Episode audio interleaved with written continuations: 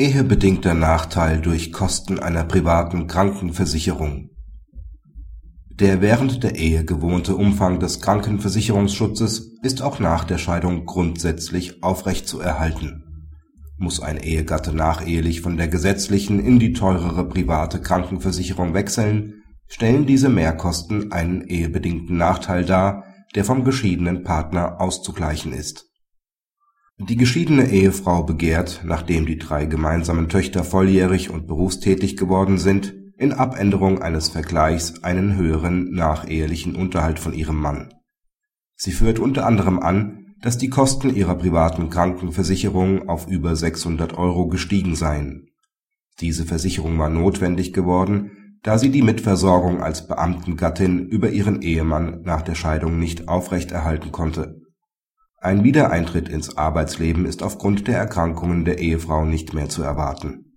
Der Ehemann vertritt die Ansicht, der Vergleich sei hinsichtlich der Höhe der Krankenvorsorgekosten von 540 Euro bindend.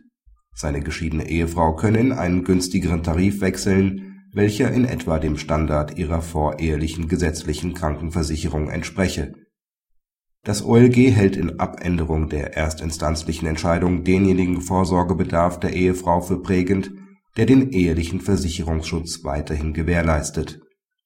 Scheidet eine Weiterversicherung als Beamtengattin und die Rückkehr in die gesetzliche Krankenversicherung aus, sind die Kosten einer vergleichbaren Privatversicherung angemessen.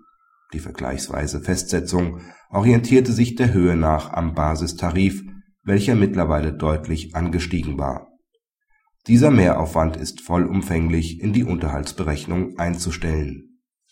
Praxishinweis Der Krankenvorsorgeunterhalt aus § 1578 Absatz 2 BGB wird grundsätzlich so lange geschuldet wie der Elementarunterhalt. Regelmäßig endet der Anspruch auf Krankenvorsorgeunterhalt jedoch mit Beginn des Aufstockungsunterhalts, denn mit der Aufnahme einer Erwerbstätigkeit gelangt der Berechtigte in die gesetzliche Krankenversicherung. Ist der Berechtigte dagegen in der privaten Krankenversicherung versichert und bezieht Aufstockungsunterhalt, mindert der Versicherungsbeitrag sein Einkommen und es ergibt sich in der Folge ein höherer Unterhaltsanspruch